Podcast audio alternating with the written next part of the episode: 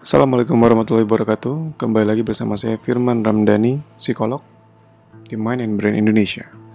Dan pada kesempatan kali ini saya akan membahas mengenai metafor. Bahasa Indonesia metafora lah ya. Apa itu metafora?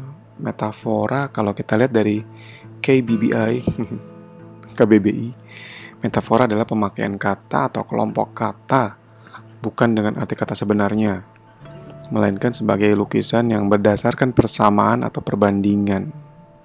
Bingung ya? Pakai contoh aja kali ya. Misalnya tulang punggung dalam kalimat pemuda adalah tulang punggung negara. Nah, tulang punggung kan bukan berarti dia ya backbone gitu ya.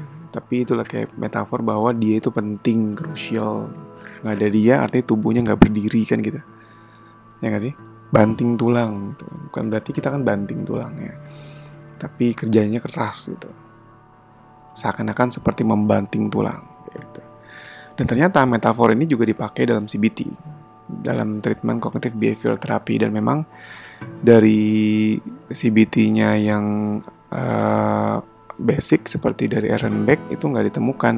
Bukan nggak ditemukan ya nggak banyak dieksplor gitu ya. Justru yang saya tahu nih mungkin kalau ada yang ada yang bisa ngerevisi yang lebih tahu lebih banyak boleh di komen ya. Tapi justru banyaknya dari ACT, Acceptance and Commitment Therapy. Nah, itu yang jago dari UI itu. Dosen saya Mbak Dian Oriza tuh. Sebenarnya kita bikin kontennya, tapi belum kita publish. belum sempat ngedit karena banyak kita nge-record beberapa episode sekaligus. Mungkin minggu depan atau minggu lusa lah kita publish tentang ACT. Nah, uh, saya mau bahas salah satu metafora terkait uh, mas masalah anxiety. Sorry. Terkait permasalahan anxiety. Jadi ada namanya bus bus bebas ya bus bilangnya bus ya. bus metafor atau ya metafora uh, supir bus gitu. Analoginya adalah kita uh, sering sekali tertarik ya terlalu bukan tertarik ya terlalu memfokuskan atensi kita pada anxiety, pada kecemasan, kekhawatiran, ketakutan kita. Kita terbawa sama kecemasan itu, sehingga mengganggu kita dalam meraih tujuan kita, sehingga mengganggu keseharian kita, keberfungsian kita, sekolah kita, kerja kita, relationship kita, kehidupan kita secara umum gitu. Ya ini nggak nggak melulu bicara mengenai gangguan kecemasan seperti fobia, uh, social anxiety, panic disorder, GAD (generalized anxiety disorder) atau yang lainnya.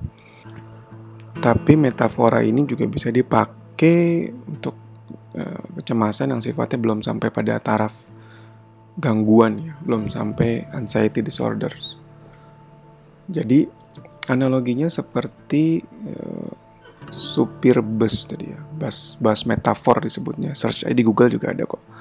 Kita berandai-andai kita seperti supir bus yang kita punya trayek tertentu.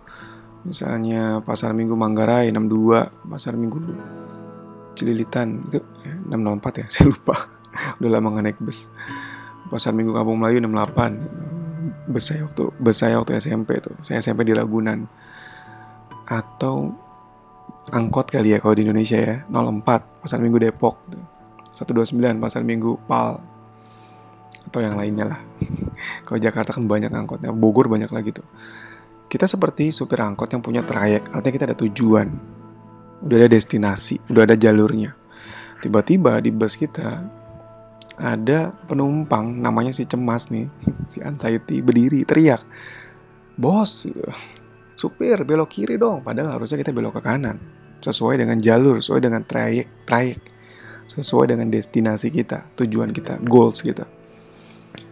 Tapi si penumpang itu teriak dan berdiri. Dan akhirnya karena kita nggak nyaman sama dia kok dia berisik nanti yang lain keganggu nanti gimana nanti? Aduh nanti rusuh. Akhirnya kita ikutin kemauan dia. Kita belok ke kiri karena rumah dia di, di arah ke kiri gitu. Sehingga akhirnya mengganggu mengganggu kita dalam meraih tujuan, ya gak sih? Mungkin kita bisa bisa nyampe ke tujuan tapi muter kan jauh. Akhirnya nggak tepat, nggak tepat waktu. Atau mungkin malah nanti kita nggak nyampe ke tujuan sama sekali. atau mungkin kita akan akan kena protes penumpang yang lain ya nggak sih ini menarik ini pengalaman real nih tapi agak sedikit beda sudut pandang ini jadi waktu dulu zaman SMP kan anak bus banget nih ke mana-mana naik bus gitu ya kan emang zaman dulu ya paling mudah transportasi itu dan nggak punya motor juga belum punya kendaraan pribadi. Lalu suatu ketika dan biasanya tuh kalau bus tuh di Jakarta itu Jakarta Selatan utamanya dia suka muter balik muter arah meskipun belum sampai trayeknya belum sampai tujuannya. Lalu biasanya dia mengoper penumpang itu ke bus di belakangnya bus yang dengan trayek yang sama jadi eh, dia muter-muter habis habis habis pindah ke belakang pindah ke belakang gitu. Suatu ketika waktu begitu waktu dia mau muter ada orang berdiri besar kebetulan di sebelah saya karena saya duduk di belakang dia juga nih. Dia teriak supir lurus nggak?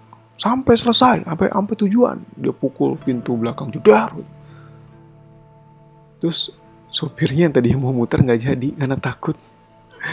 Karena badannya gede kayak preman gitu dan biasanya supir supir supir bus di Jakarta itu nggak beranian aja nggak peduli gitu.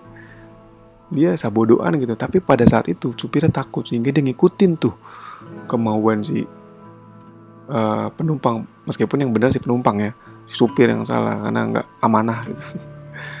Tapi akhirnya uh, itu itu bisa kita jadikan gambaran ketika kita jadi metafora tadi ya. Kita jadi supir bus tiba-tiba meskipun kita punya trayek dan kita mau ke arah trayek kita dengan benar gitu ya dengan tujuan kita yang benar. Ada yang teriak badannya gede. Kita bisa kepancing tuh sama penumpang itu. Lalu yang perlu kita lakukan adalah ya kita instead of kita memfokuskan atensi sama si penumpang yang badannya gede yang besar yang nyuruh kita tadi keluar trayek kita cukup notice aja. Oh lihat di kaca oh iya ada dia. Badannya gede. Dia mau dia mau nyuruh saya keluar trayek oh iya ya sudah dia cuma sekedar penumpang kok. Oh ya sudah kalau emang dia mau mau mau kalau mau ke jalur yang berbeda arah yang berbeda ya dia mesti cari bus yang berbeda. Sedangkan jurusan saya ke sini. Gitu ya. Itu salah satu cara keep distance distancing antara kita sama mental proses kita. Karena belum tentu yang mental proses kan tadi ada pikiran, ada emosi itu mental proses kan. Mental proses itu belum tentu semuanya adalah faktual. Jadi kita memandang melatih dalam mindful tadi memandang mental proses itu dengan cara yang non judgmental ya dia kayak ngalir gitu aja oh ini pikiran pikiran cemas oh ini ada emosi sedih lewat nih. Oh ini ada emosi takut ini ada pikiran-pikiran uh, khawatir gitu. Itu kita memandang itu dengan non judgmental tanpa perlu banyak menganalisa tanpa perlu banyak uh, apa namanya mengulik itu. Jadi kita hanya cukup noticing noticing itu apa ya bahasa Indonesia nya melihat saja bahwa ada penumpang namanya anxiety atau si cemas yang lagi berdiri dan teriak ke kita. Dan kita berusaha berlatih untuk being okay, untuk menjadi okay dengan sikap penumpang tadi. Karena nanti gak lama dia akan duduk lagi. Karena sifat emosi kan begitu. Akan ada naik, ada peak levelnya dan pasti akan turun. Kebanyakan kita berpikir bahwa ketika dalam gangguan dalam gangguan cemas utamanya, ketika uh, kita berpikir ketika cemas itu muncul itu akan terus naik terus naik dan gak akan turun. Itu yang membuat kita akhirnya punya perilaku menghindar. Karena kita nggak mau berada pada kondisi tidak nyaman karena kondisi cemas karena rasa cemas tadi. Kita akhirnya lebih milih untuk menghindar itu bisa jadi salah satu opsi. Bisa jadi salah satu opsi dalam menghadapi uh, intensnya pikiran-pikiran yang muncul dalam uh, gangguan cemas utamanya. Yang pernah saya ingat dari course-nya kursusnya dari Beck Institute dari Aaron Beck itu untuk gangguan cemas menyeluruh atau generalized anxiety disorder. Karena kan orang-orang yang punya gangguan GAD itu worry-nya khawatirnya itu oh, intens dan konstan banyak gitulah dan intens banget jadi bisa jadi salah satu cara gitu jadi uh, gitu ya kita perlu memandang si cemas ini sebagai penumpang saja dalam kita meraih tujuan kita. Jadi kalau misalnya dia mengganggu ya kita cukup notice aja. Oh ya, ada dia di belakang. Kalau emang dia uh, berisik ya sudah kita lihat. Mungkin uh, kalau dia mau mau ke kiri ya itu perlu cari bus yang lain gitu. Ya kita tetap fokus ke tujuan kita. Dengan kita berpikir bahwa cemas itu aja sebagai penumpang, uh, sebagai penumpang gitu ya. Artinya kita menjaga distance kan. Kita supir ya dia penumpang gitu yang kuasa yang di tangan supirnya gitu.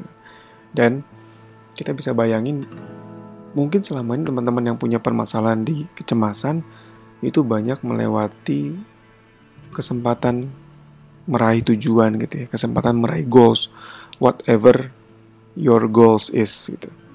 Apa pun goals kalian, apa pun tujuan kalian, apa pun rencana kalian, mungkin banyak yang akhirnya terbengkalai terhindarkan gitu kan apa ter, tertunda karena kita punya tadi penumpang yang cemas dan kayak preman. Oke sekian, semoga bermanfaat. Mungkin bisa dicoba untuk diri sendiri dulu.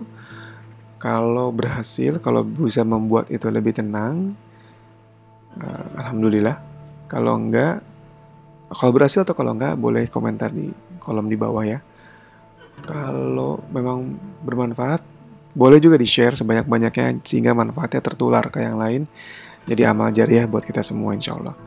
Terima kasih, semoga bermanfaat. Jangan lupa like, comment, subscribe juga, follow, share semua akun eh, sosial media sosial di Mind and Brain. Ada Instagram dan Facebook di @mindandbrain.id.